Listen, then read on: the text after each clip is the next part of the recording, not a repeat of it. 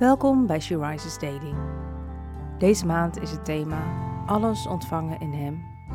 En vandaag luisteren we naar een overdenking van Carla Kwakkel. We lezen uit de Bijbel 2 Petrus 1, vers 5 en 6. En daarom moet u zich er met alle inzet op toeleggen om aan uw geloof deugd toe te voegen. Aan de deugd kennis, aan de kennis zelfbeheersing, aan de zelfbeheersing volharding en aan de volharding godsvrucht. Volharding. Het is de laatste brief die Petrus schrijft. Korte tijd later wordt hij gekruisigd.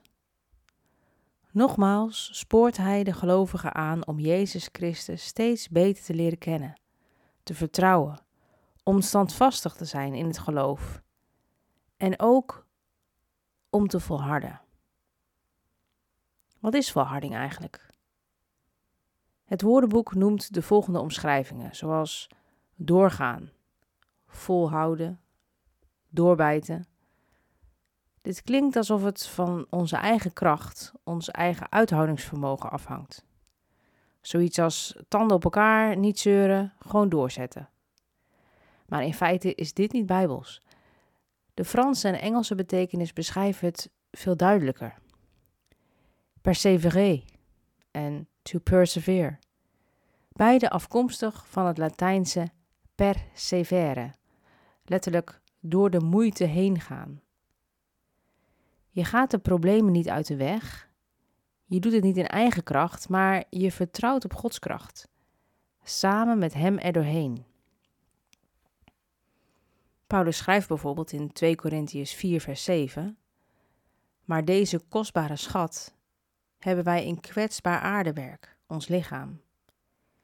Iedereen kan zien dat de buitengewone kracht in ons niet van onszelf, maar van God is.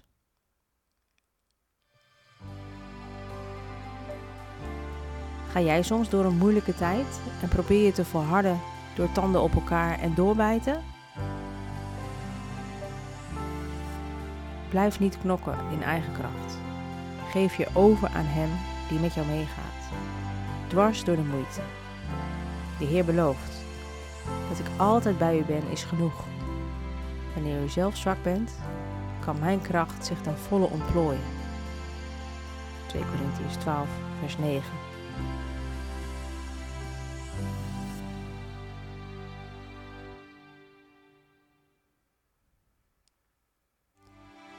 Je luisterde naar een podcast van She. She Rises is een platform dat vrouwen wil bemoedigen en inspireren in hun relatie met God. We zijn ervan overtuigd dat het Gods verlangen is dat alle vrouwen over de hele wereld Hem leren kennen. Kijk op www.she-rises.nl voor meer informatie.